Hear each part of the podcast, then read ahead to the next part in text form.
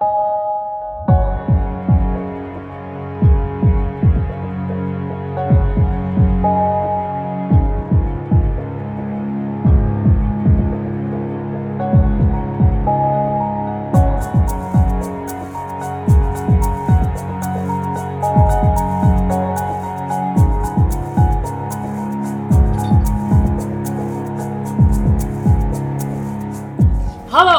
en welkom bij een nieuwe aflevering van Radio Savannah, de podcast van Boekwinkel Savannah W. Ik ben Suzanne En ik ben Lola. en wij zitten hier weer voor het eerst sinds tijden samen in de Boekwinkel Savannah W. We kijken elkaar gewoon real life in de ogen. In Echt? plaats van tussen met een scherm. Inderdaad, Heerlijk is het. zeker. Als je Savannah W niet kent, wij zijn een onafhankelijke boekwinkel in het centrum van Utrecht, gespecialiseerd in feministische literatuur. Dat wil voor ons zoveel zeggen als literatuur op het snijvlak van gender, queerness en postcolonial.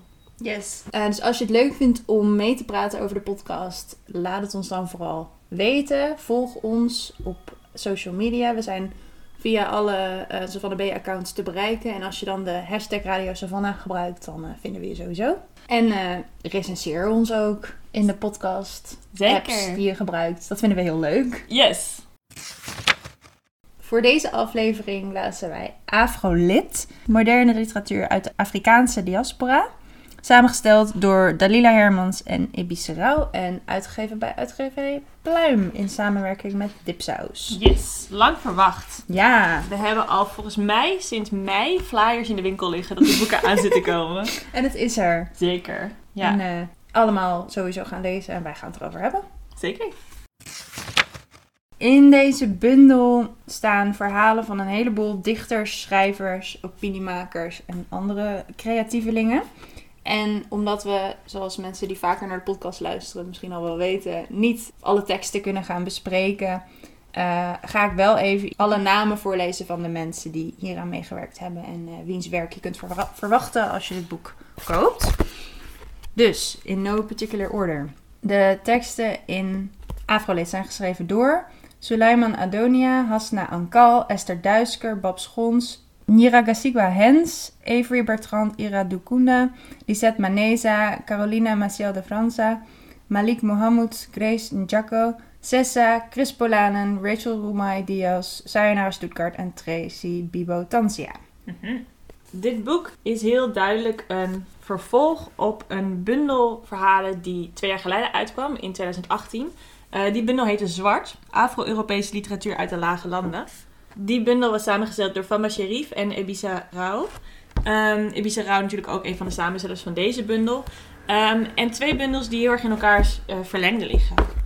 In de introductie van Afrolit zeggen de, de samenstellers dat ehm, Afrolit voortbouwt op zwart. Dit is een quote. Zwart was een stempel, een geheven vuist en een springplank voor heel wat auteurs met roots in Sub-Sahara-Afrika. Heel snel al wisten we dat het succes van zwart slechts een begin zou zijn. Er zijn nog zoveel verhalen te vertellen, zoveel stemmen die gehoord moeten worden. Er schuilt nog zoveel rijkdom, wijsheid en spitsvondig literair talent in de Afro-diaspora hier bij ons. Ja, dus wat zowel Zwart en Afrolit eh, doen is buiten dat het mooie bundels zijn met inspirerende, mooie, poëtische, krachtige teksten, is het ook heel duidelijk een, ja, een, een claimen van een stem in een hele witte literaire traditie zoals we die in Nederland hebben. Waarin in de opening van Zwart ook al werd aangegeven dat de Nederlandse traditie wit is. En dat er soms wel viering is binnen de Nederlandse letteren voor buitenlandse, met name Amerikaanse ehm, zwarte stemmen, maar eigenlijk bijna niet voor zwarte stemmen in Nederland. Dus deze bundel zwart en nu de, de opvolger, zeg maar Afrolit, een heel duidelijk een claim eh, voor ruimte voor die zwarte stemmen en viering van de zwarte stemmen in de Nederlandse letteren. Ja, en ook voor het ontwikkelen van die zwarte stemmen. Ik denk Mm. dat in beide bundels zijn veel relatief jonge up-and-coming auteurs die een plek hebben gekregen. En dus ook een, eh, nou ja, dus wat ook al in de introductie stond, een springplank voor hun om verder te bouwen aan hun literaire carrière en zich verder te ontwikkelen als schrijver en maker. Ja, en in eh, zwart werd in ieder geval in de introductie van de bundel, en dat is ook terug te zien in de verhalen die erin gebundeld zijn, werd heel erg uitgegaan van een bepaalde spanning. Eh, van eh, zwarte mensen die in Nederland en België, eigenlijk de lage landen moeten we eigenlijk zeggen, leven. Ehm, dat er altijd een spanning is tussen eh, de, zeg maar de roots en het land waar je nu gevestigd bent, of wat nu je thuis is, of wat nu in ieder geval je directe omgeving is. En dat er altijd momenten van exclusie zijn, maar ook momenten van ja, waarachtige soort verbondenheid natuurlijk met Nederland, eh, met, de Nederlandse letteren, et cetera, waar je toch een soort plekje in moet zien te vinden voor jezelf. En die spanning was dan heel erg het, het uitgangspunt ook voor, voor deze jonge schrijvers. Eh, de samenstellers van Zwart schrijven in de inleiding. In deze bundel, de eerste van zijn soort in de Nederlandstalige letteren, vindt u een neerslag van de spanning, of anders gezegd, de dialoog tussen de Afrikaanse erfenis en het nieuwe thuis in Nederland, België en Europa als geheel. We introduceren bekende en nieuwe stemmen waarvan er zeker meer zullen volgen. U krijgt te zien van de successen en tegenslagen van deze voornamelijk jonge schrijvers en van hun worstelingen met en liefde voor Nederland en België. De stemmen klinken fris, vernieuwend, rauw en uitdagend, een verrijking van de Nederlandstalige literatuur. En dit boek was dus echt even een vuist op tafel. Ja. Eh, kijken wat voor talent en wat voor creativiteit hier allemaal zit die genegeerd wordt in de Nederlandse letteren. En eh, daardoor natuurlijk een heel welkom en verfrissende ja, bundel. Heel- Ja. Ook gewoon heel fijn en heel mooi dat hij er is en dat hij nu een opvolger heeft. Afrolit bouwt dus voort op zwart, maar brengt ook wat, wat nuances aan eigenlijk. op, op het uitgangspunt van, van de eerste bundel. Ehm, de schrijvers die aan deze bundel hebben meegewerkt, dus aan Afrolit, hebben volgens eh, de inleiding roots in Afrika, Noord- en Zuid-Amerika, Europa en het Caribisch gebied. En de, het doel van de bundel is dus ook om, om ons begrip van, van Afro-diaspora uit te breiden en op onderzoek uit te gaan naar de diversiteit binnen deze diaspora. Ja. Ehm, en dat wordt in alle teksten op een hele verschillende manier aangepakt. Ja, ja het, het omarmt die diversiteit nog, nog meer dan in Ja. zwart ook al gedaan wordt inderdaad. En dat blijkt natuurlijk al deels uit de titel en uit het voorwoord. Maar ook heel erg uit alle verschillende verhalen eh, die volgen in de bundel. Ja, dus dat wordt in de inleiding wordt dat samengevat als geen mens is gelijk, hoeveel we ook met elkaar delen. Hoe we onze, en dan tussen haakjes, deel, identiteiten beleven en hoe dat ons schrijven beïnvloedt, is onderhevig aan zoveel factoren. Dat was al duidelijk in zwart en het spat van elke pagina in Afrolit. Ja. Ja, en je ziet eh, in verschillende eh, essays en verhalen in deze bundel... is dat ook echt het thema van de bijdrage. Ehm, maar je ziet het ook gewoon in de samenstelling. De, de verschillende achtergronden en belevingswerelden zeg maar, van, de, van de verschillende schrijvers die hieraan bij hebben gedragen. Maar ook in de verschillende genres die voorbij komen. We hebben essays, we hebben echt soort manifesten. We hebben poëzie, we hebben korte verhalen. We hebben een soort spannende, ja, niet echt een misdaadverhaal, maar wel echt, echt een spannende cliffhanger soort van. Ja. Er zit echt van alles in. Dus die diversiteit is heel erg omarmd in, dit, eh, in deze bundel. ja, en maakt het daardoor ook heel lekker om te lezen. Ja, Het is heel, eh, bij elk nieuw verhaal wat je openslaat, denk je, wat, gaat, wat zal me nu eens gaan overkomen? ja inderdaad, ja. Een van de essays die heel erg, of een van de teksten die heel erg expliciet eigenlijk eh, vragen stelt en onderzoek doet binnen de diversiteit waar het in de introductie al over ging en over wat identiteit is en eh, hoe de auteur zich daartoe verhoudt, is de tekst van Hasna Ankal, de relevantie van identiteit. En dan ga ik jullie natuurlijk eerst even vertellen wie Hasna Ankal is. Eh, Hasna Ankal is geboren in Marokko en groeide op in Genk. Ze heeft een bachelor in de journalistiek en was bijna twee jaar lang journaliste bij Het Belang van Limburg. Nu schrijft ze als freelance journalist bij Al Arte Magazine. En ze schrijft voornamelijk over politiek en identiteit in Marokko, feminisme, antiracisme en de invloed van media op uitsluiting en emancipatie van uitgesloten groepen. Hmm. Ja. Ja, wat, wat eh, Hasna Ankal heel duidelijk doet in deze ehm, bundel is zeggen het eigenlijk... Zij gaat in op de soort reflecties die ze had toen zij werd uitgenodigd om eh, een bijdrage te schrijven voor Ja. dit boek. Ehm, als Marokkaanse schrijfster eh, gaat ze na op wat voor manier pas ik binnen deze bundel. Waarom ben ik gevraagd? Wat zou mijn bijdrage hieraan zijn? Ja. En ze gaat heel erg specifiek in ook op ehm, wat is de positie van Noord-Afrikaanse ehm, mensen in de context van de Afrikaanse diaspora. Ja, en hoe, in hoeverre maakt het uit hoe je jezelf identificeert in die context? Haar openingsvraag is: maakt het iets uit of mensen van Marokkaanse afkomst zichzelf zien als Afrikaans of niet? Ja, Ze, ze stelt niet alleen maar vragen bij, eh, hoe identificeer ik mezelf, maar ook wat zijn de gevolgen daarvan en Mhm. hoe past dat in het, in het bredere verhaal van de Afrikaanse diaspora. Ja, en ook in hoeverre ehm, wordt het mij toegestaan om mijzelf volledig te identificeren. Want als ik mijzelf identificeer als zwart of niet als zwart, of als Afrikaans of als niet-Afrikaans, ehm, maakt dat uit voor hoe ik behandeld word als ik de supermarkt inloop, of als ik een hypotheek aan ga vragen, of als ik eh, in de bar een, eh, wat aan het drinken ben. Ja, In hoeverre heb ik invloed op mijn eigen identiteit? In hoeverre wordt die door de mensen om mij heen op mij gedrukt en voor mij bepaald? ja. Om soort van haar, haar zoektocht en haar gedachten eh, goed op papier te krijgen, start Hasna Ankal met de soort van het onderscheid te maken tussen ras als, als sociaal construct, wat door de maatschappij gecreëerd wordt en wat eh, de basis is van heel veel onrecht en discriminatie, maar wat uiteindelijk niet een natuurlijke basis heeft Biologische. biologische ja. basis heeft. Ehm, dus, dus dat ras als sociaal construct aan de ene kant en dan identiteit en zelfidentificatie aan de andere kant. En ze zegt dan van er bestaat een, een in onze samenleving zijn processen van racialisering gaande waarover de persoon zelf geen controle heeft. Dus anderen kijken op een bepaalde manier naar iemand en zetten diegene in een bepaald hokje. En dat heeft dan weer gevolgen vaak voor hoe diegene behandeld wordt. Ja. Ehm, en zij voegt er dan aan toe, de persoon die geen controle heeft over dit proces, kan wel zelf bepalen wat zijn of haar identiteit is, omdat dat een meer persoonlijke invulling is. En waar haar essay dan eigenlijk over gaat, is de, hoe ingewikkeld dat eigenlijk is, dat proces van zelfidentificatie. Mm. Dat het makkelijker gezegd dan gedaan is. Ja.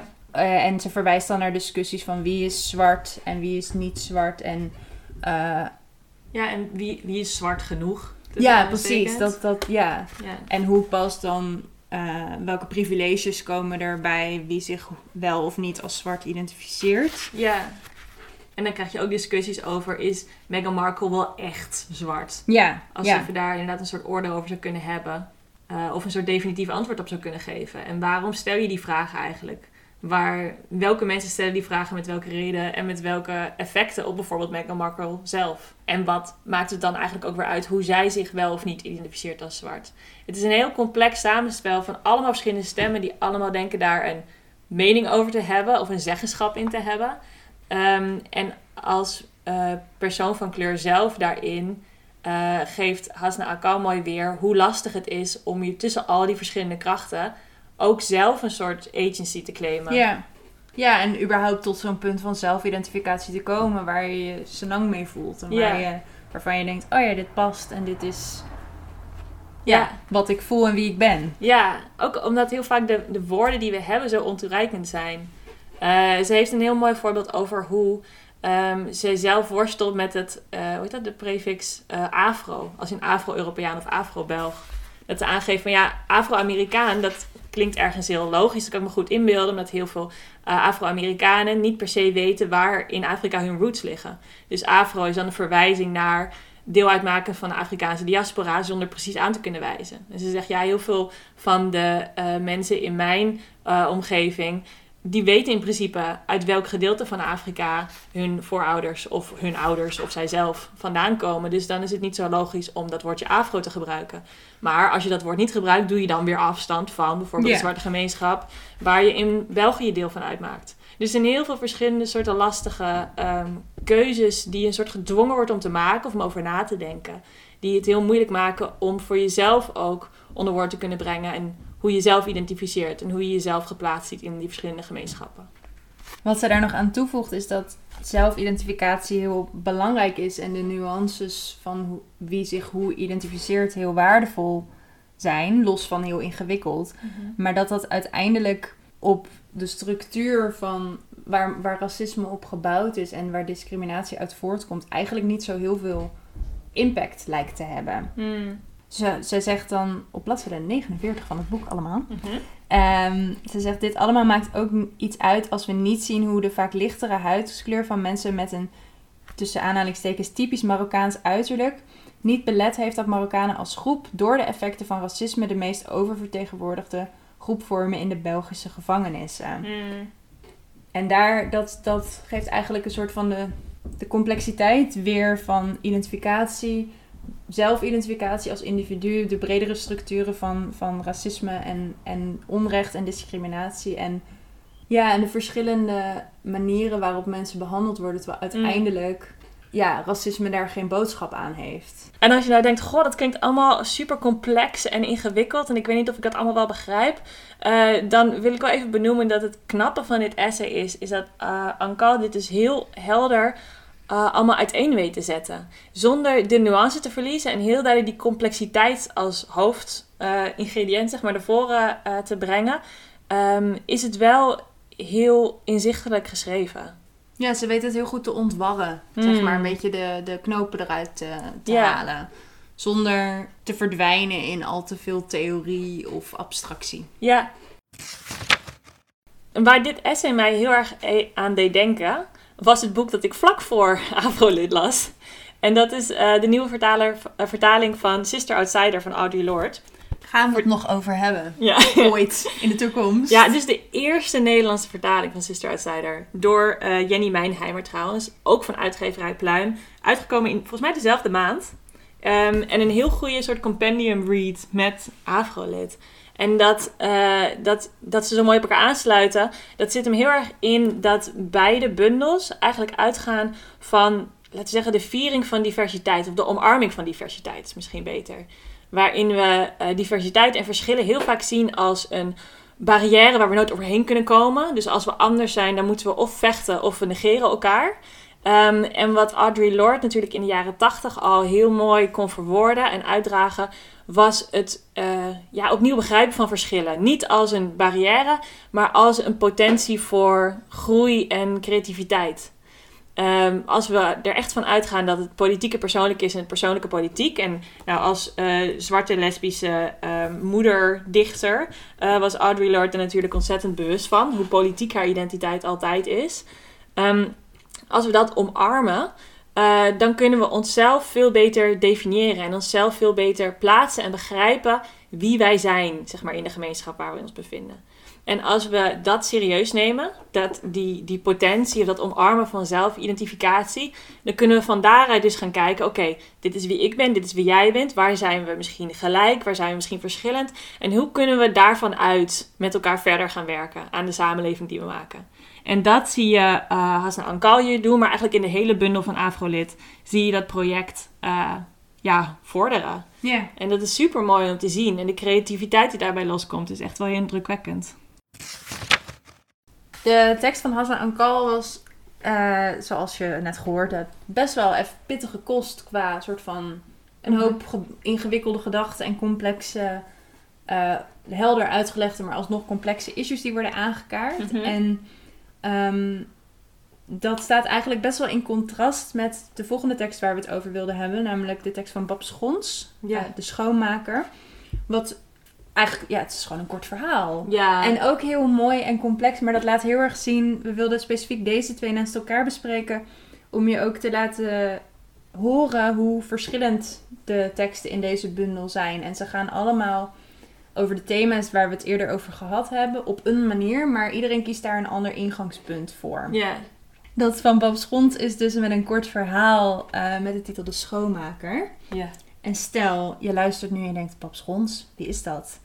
Dan vinden wij dat erg jammer, want we zijn allemaal groot fan hier in de winkel van Bab Schons. Um, maar ik doe toch even een korte bio. Bab Schons is uh, schrijver, performer, host en docent. En um, heeft allerlei spoken word initiatieven geïnitieerd, bedacht, op touwen, mm -hmm. nee, op poten gezet. en... Uh, ja, is echt de drijvende kracht achter allerlei hele toffe projecten. Ja. Ze presenteerde onder andere de, het NK Poetry Slam en uh, staat regelmatig op het podium met Babs Woordsalon. Mm -hmm. En in 2019 verscheen de bundel Hardop bij uitgeverij Atlas Contact, waarin ze uh, het werk van 18 Nederlandse spoken word dichters op papier kreeg. En ja. um, dus daardoor deelbaar maakte met veel meer mensen dan die normaal gesproken in een zaaltje kunnen luisteren naar dichters die hun werk voordragen. Heel gave bundel. Hele vette bundel die je ook als luisterboek kunt luisteren, wat ja. ik ook erg aanraad. Eh, en Babs schrijft verder artikelen, is columnist voor onder andere Parool en is eh, op allerlei plekken te vinden. Ja. Volg haar, lees haar, et cetera. Yes. En begin anders lekker met het verhaal De Schoonmaker. Begin met het verhaal De Schoonmaker. Ik denk, Met een geweldige openingszin. geweldige openingszin. Ik lees hem even voor. Nu ik iets langer dan een jaar geleden een schoonmaker in dienst heb genomen, maak ik meer dan ooit schoon. Het is heel grappig. ja. Het hele, het hele verhaal is heel grappig. Het is heel grappig, maar het is ook heel pijnlijk. Ja. Het is, het is het verhaal van iemand die een ehm, schoonmaker in dienst neemt. En van tevoren al een beetje zenuwachtig is. Dus de eerste, voordat de eerste keer dat de schoonmaker langskomt, even het hele huis schoonmaken. Nou, tot zover denk ik dat heel veel mensen dat herkennen. zeg maar, die, dit moment waarop iemand jouw huis binnenkomt waar de positie of de, de, de relatie en niet helemaal duidelijk is. Aan de ene kant is het ja, toch ook een gast, zeg maar iemand die binnenkomt en koffie en koekjes en fijn zijn interesse in elkaars leven, et cetera. Aan de andere kant is er een raar soort machtsverschil, want er is toch een werknemer-werkgever positie. Eh, aan de andere kant ben je als werkgever juist weer kwetsbaarder omdat het jouw huis is. Dus iemand gaat zien wat jij allemaal niet schoon hebt gemaakt en hoe vies en alle hoekjes en zo waar je nooit schoon hebt gemaakt sinds je er bent in verhuisd. Ja. Er zit heel veel complexiteit in die relatie en dat weet ze ontzettend mooi te verkennen in dit verhaal. Ja, en heel... eh, het wordt heel erg tussen de regels door eigenlijk. Ja, ehm, wordt er een soort van spanning neergezet. Dus waar het essay waar we het net over hadden, eigenlijk in hele klare taal, hele ingewikkelde Ja. dingen, heads on. het dan de wereld in, inbrengt, moet, is dit veel subtieler. En dat je, ik heb een paar keer dan even een alinea teruggelezen en dan gedacht van, Ja. oh ja, wacht, hier zit, hier zit van alles wat je, waar je misschien in eerste instantie overheen had gelezen. Ja, Ehm, en dat komt vrij expliciet terug in het moment dat de eh, ik-personage en de schoonmaakster elkaar voor het eerst ontmoeten. En ehm, daar wordt een soort van spanning aangekaart die eigenlijk het hele verhaal een soort van doorsluimert. Ehm, de schoonmaakster heet Agnes. En dan zegt de verteller... Bij de eerste kennismaking keek ze me verbaasd aan nadat ze de trap omhoog was geklommen. Jij bent bruin, had ze gezegd. Ja, had ik geantwoord. Ik was zo verbaasd door die opmerking dat ik haar niet eens kon vragen wat ze daarmee bedoelde. Ze had haar schouders opgehaald en om zich heen gekeken. Jij woont hier? Ja, had ik gezegd. En had zelf ook rondgekeken. Was dit een vreemd huis voor iemand als ik? Voor een, tussen aanhalingstekens, bruin iemand? De bank was een gewone bank, zo uit IKEA-gids. Een paar van de kussentjes zijn bekleed met felgekleurde patronen. Misschien doen ze wat Afrikaans aan. Een kast vol boeken, niets bijzonders. Planten. Ja, ik heb veel planten. Maar dat is tegenwoordig heel hipster. Urban jungle in je huis. Verder heb ik wat vintage meubels. Waarom had Agnes toch zo verbaasd om zich heen gekeken? ja. Ja, het, het zet zo mooi die spanning neer. Je voelt die spanning direct onder je huid, een soort van binnenkruipen. En je kan niet helemaal de vinger erop leggen. En wat dan zo mooi is aan dit verhaal, is dat het gaat ook over eh, deel uitmaken van de Afrikaanse diaspora. En wat het betekent om dan eh, nu bijvoorbeeld in Nederland te wonen. En om eh, deel uit te maken van bepaalde gemeenschappen waarin bepaalde relaties ontstaan en zo. Maar het zit zo soort van onder de huid. Ja, Dat je denkt, dit is ook heel erg gewoon een moderne Nederlandse schrijver. Die schrijft over eh, ja, de, de Nederlandse samenleving en de verschillende relaties daarin. ja. En Ja. hoe inderdaad geracialiseerde identiteiten daar een deel van uitmaken. Ook als het misschien niet altijd expliciet aan de orde is. Of expliciet benoemd wordt. Of expliciet op de voorgrond treedt, zeg maar. Ja, en hoe dat kan wringen met andere eh, relaties, bijvoorbeeld over sociale klasse Ja. en opleidingsniveau en eh, inkomen, om maar even wat voorbeelden te noemen. Ja, Ja, dat, daar, daar, daar dwarrelt, dat wel- dwarrelt allemaal rond in dit verhaal. Ja, ja want een, een van de volgende zinnen is dan ook eh, dat de verteller eh, schrijft... Om het ijs te breken vroeg ik of ze veel schoonmaakte. Dat leek ze een domme vraag te vinden. Natuurlijk, ik ben er goed in, zei ze. En het leek of ze haar hoofd wat omhoog tilde en haar kin naar voren stak. En dan zie je inderdaad weer, weer de spanning van iemand eh, die even met de neus op de feiten wordt gedrukt. Ja. De verschillende de, ja, het verschil in eh, ja, de verschillende positie die beide vrouwen in deze situatie innemen. Ja, ik vond het een heel gaaf verhaal. Dit is Ja. mijn lievelingsverhaal. Dit was Ik ook mijn lievelingsverhaal. ja. Ja, en het verhaal gaat daarna nog een hele wilde kant op. Maar ik wil het eigenlijk niet eh, bespreken, omdat je moet het gewoon lezen. ja, je moet het over je heen laten komen. Dat En, is eh, het. Ja, en dan daarna nog een keer lezen en dan twee dagen laten liggen en daarna nog een keer lezen. Ja. ja, toch om nog even een kleine voorproefje, een klein voorproefje te geven. Ehm, dit is ietsje verderop in het verhaal. Even kijken hoor.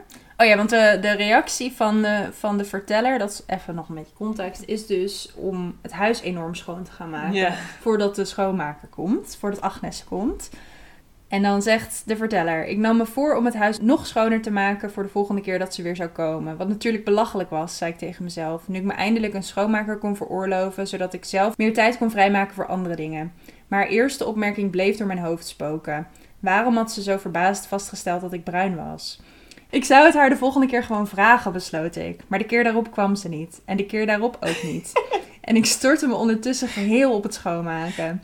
Ik keek YouTube-tutorials, leerde hoe je bij de moeilijkste plekjes kon komen. Ik las huishoudblogs, keek lifehacks, leerde tips en tricks.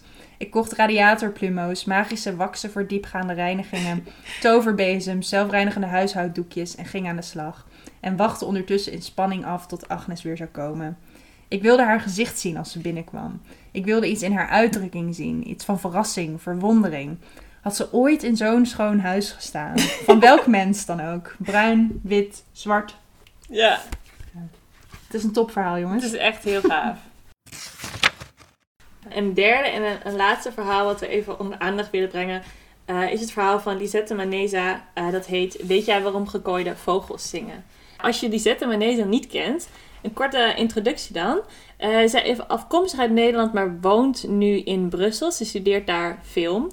Ehm, ze is een slam poetry artiest en ze won drie jaar geleden in 2017 het Belgisch kampioenschap eh, Poetry Slam als eerste Nederlandstalige vrouw. Ehm, als je al vaker in Savannah B komt, dan heb je misschien haar bijdrage gelezen in eh, de bundel Being Imposed Upon. En een bundel was van Afro-Belgische eh schrijfsters. Ja, moet je allemaal lezen. Ja. Als je dat nog niet gedaan hebt. We vonden het interessant om over haar tekst te praten, omdat het een hele boeiende tekst is. Maar ook omdat het eigenlijk inhaakt op de tijd waarin deze teksten allemaal, waarin deze bundel geschreven is. Mm. En dus in de inleiding eh, wordt stilgestaan bij het feit dat er een pandemie gaande was. Dat, Mm. dat er een mooie lijst auteurs samen was gesteld.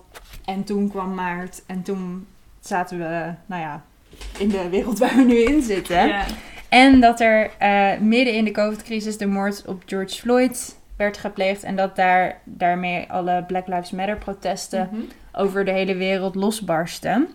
Eh, en dan staat er in de inleiding: in een periode waarin zwarte mensen meer dan ooit gevraagd worden trauma's te herkauwen of oneindig hun levensverhalen als getuigenis te leveren aan witheid, wil Afrolid een frisse wind zijn. Een boek waarin de verhalen die de, die de diaspora zelf wil vertellen het hoofdpodium nemen. Mm. Een boek waarin fictie en non-fictie naadloos in elkaar overvloeien en waarin de pen belangrijker wordt dan de hand die haar vasthoudt. En alles wat ik net voorlas komt eigenlijk samen in de tekst van Lisette Maneza. Want haar verhaal gaat... Ze gebruikt haar verhaal om eh, te delen hoe zij de periode na de moord op George Floyd heeft ervaren. Ehm, haar eigen reacties, de reacties van mensen om haar heen, wat ze tegenkwam op social media. Mhm. Ehm, en ze zoomt, ze zoomt in, ze zoomt uit en geeft eigenlijk heel fragmentarisch een beeld van, ja, van wat vanuit, vanuit haar perspectief, wat er allemaal opkwam Ja. borrelen bij haar. Ja, ja en eh, de, de momenten van troost, maar ook de momenten van, van wanhoop en verdriet. En de, ja, en de fragmentatie daarin zie je niet alleen in de, in de content van het verhaal, maar ook heel erg in de, de vormgeving ervan. Ja. ja, en het gaat ook heel erg over ehm, hoe social media daarin een rol Ja. heeft gespeeld. Dus eh, hashtags als Blackout Tuesday en Black Lives Matter. En de eh, waarde daarvan, maar ook de leegte daarvan. En het Mhm. gevaar daarvan dat iedereen die hashtag kan gebruiken, ongeacht welke, wat de inhoud van je bericht is. Ja. Dus als jij niets vermoedend zit te scrollen, dan ehm, nou ja, kan je van alles tegenkomen, ook hele pijnlijke dingen. En daarover zegt ze onder andere: Leuk zou ik Instagram niet noemen, zegt Radna, terwijl ik in vlucht- of vechtmodus blijf scrollen, blijf scrollen, blijf scrollen, blijf scrollen. Terwijl ik scroll, projecteer ik mijn woede op de verkeerde posts. Of juist op de mensen die niet posten. Mijn witte vriendinnen die nog steeds niet vatten waarom ik ween, terwijl ik zing. Vriendinnen die niet weten waarom gekooide vogels zingen. Ja. En wat nog wel bijzonder is ook aan deze tekst, is dat het dus heel fragmentarisch is, maar ook eigenlijk verschillende genres lijkt te mixen. Dus er Mm. zitten meer ehm, bijna essayistische stukjes in. Er zitten ja, iets wat heel persoonlijk essayistisch is. Dus niet theoretisch, maar echt zo ik ervoer zus, ik ervoer zo. En dan zitten er meer poëtische passages in. Ehm, en dan schrijft ze onder andere... Zwarte meisjes worden ook gekild, gaan ook dood. Van binnen halen nauwelijks adem, worden in elkaar geslagen. Typen ik ook, ik ook, ik ook. Worden doodgeschoten wanneer ze slapen. Roepen ook mama, worden neergeschoten. Politiemannen worden vrijgelaten. Bruine jongens die overreden worden, hebben het niet zelf gedaan, hebben het niet zelf gedaan, hebben zichzelf niet overreden. Hashtags zijn hertraumatiserend omdat zwarte mensen zwarte levens leven. Hashtags zijn hertraumatiserend omdat zwarte mensen zwarte levens leven. Hashtags zijn hertraumatiserend omdat zwarte levens meer waard zijn dan een hashtag. Het wordt bijna een liedje. Mijn lichaam schreeuwt naar genezing. Douchen, water, zwemmen. Ik haal de hoge noten. Nauwelijks, zelden, amper, niet meer. Ik dacht dat ik wist waarom we zongen. Weet het niet meer. Hashtags zijn hertraumatiserend omdat we op donderdag met z'n allen offline kunnen gaan. Maar de kogels ook zonder internet, ook zonder filmpjes die bewijzen dat het onrecht is. Op tweejarige meisjes die vluchten, worden geschoten. Hmm. Ja, waar, waar bijvoorbeeld het essay van Hasna Ankal een heel interessante theoretische ontwarring is van allerlei complexe dimensies. En het verhaal van Babs Gons een heel interessante proza-vertelling. Waarin die, ja, die onderliggende complexiteit zeg maar duidelijk wordt. Is dit weer een veel meer ja, emotioneel persoonlijke ehm, verhaal. Waarin heel duidelijk de ervaring van een bepaalde ja, toch belangrijke eh, periode ook van de, de zwarte gemeenschap in Nederland. eh, ja, de ervaring daarvan wordt neergeschreven. En zo heb je in deze bundel, dus we hebben er nu drie uitgehaald. Maar er, zit, eh, er zitten heel veel verschillende soorten stemmen en verschillende soorten eh, haakjes, thema's, eh, stijlen, genres worden allemaal bij elkaar gebracht in deze bundel. Ja, het is een heel goede bundel om er iedere avond één te lezen. Ja. En ik weet dat mensen dat altijd zeggen als een bundel lezen, maar dat is bij deze echt het geval. Ja, want het is ook heel fijn om nog even erop te kunnen herkauwen. Ja. En, Lekker lezen mensen, super mooie bundel. Hey Susanne, ja, echt hè? aan wie zou je dit boek aanraden? Ehm, er zijn er veel verschillende soorten lezers te verzinnen voor dit boek. Eh, ik moet zelf denken aan de lezer ehm, die misschien een beetje in dezelfde mindset is als ik. Het is natuurlijk echt een, nou ja, voor veel mensen niet het beste jaar uit ons leven geweest.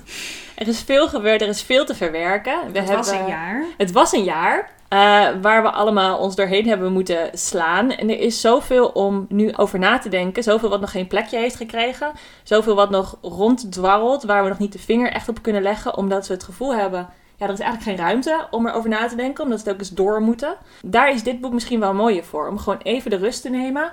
En verhaal voor verhaal, bepaalde thema's, bepaalde stemmen even toe te laten in je wereld.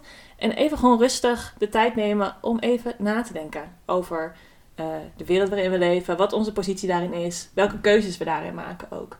Ja, ik zou dit boek aanraden aan eh, mensen die, lezers die in het eh, literaire en culturele veld werkzaam zijn of actief zijn. Ehm, dit is een bundel met jonge, veelbelovende, supergetalenteerde stemmen die hier een vaak eerste podium krijgen en die nog veel meer podia verdienen. Dus als jij in de positie bent om dat podium te bieden, eh, dan ja, kun je hier enorm in gaan talent scouten, denk ik. Ja, zeker. Dit is het einde van deze aflevering van Radio Savannah. Als je zelf Afrolid ook al gelezen hebt en je hebt er allemaal ideeën over en opmerkingen en vragen die we niet besproken hebben of die we anders besproken hebben dan hoe jij ze in je hoofd besproken had, dan willen we het allemaal heel graag horen. Hashtag Radio Savannah op al onze socials, SavannahB. Ehm, je kan het ook altijd mailen als je langere verhalen te melden hebt. info.savannahb.nl Eh, Vinden wij ontzettend leuk. As always willen wij graag Rieke Blom bedanken voor het maken van ons logo. En Gooflooks voor het uitlenen van onze theme song. Dat Yay. komt uit zijn nummer Zoon. Vind je het nou leuk om, eh, voordat er een nieuwe aflevering uitkomt, nog meer naar ons te luisteren, dan eh, hebben wij tegenwoordig ook een radioshow Ja. op Stranded FM. Hartstikke leuk, één keer in de twee maanden. Eh, we zijn om de maand en de andere maand zijn de, de makers van uitgeverij Chaos daar te horen. Ehm, en afgelopen vrijdag hebben we weer een nieuwe aflevering uitgebracht. Dus die zullen we even linken. En dan kan je daar naar luisteren voor nog meer boekentips, interviews. Muziek. Muziek. Gewoon zowaar muziek op de radio. Dus dat is heel erg tof. En ehm, dat raden wij hartstikke aan. Jee, tot horend. Tot horen. Oeh. Tot de volgende keer. Bye.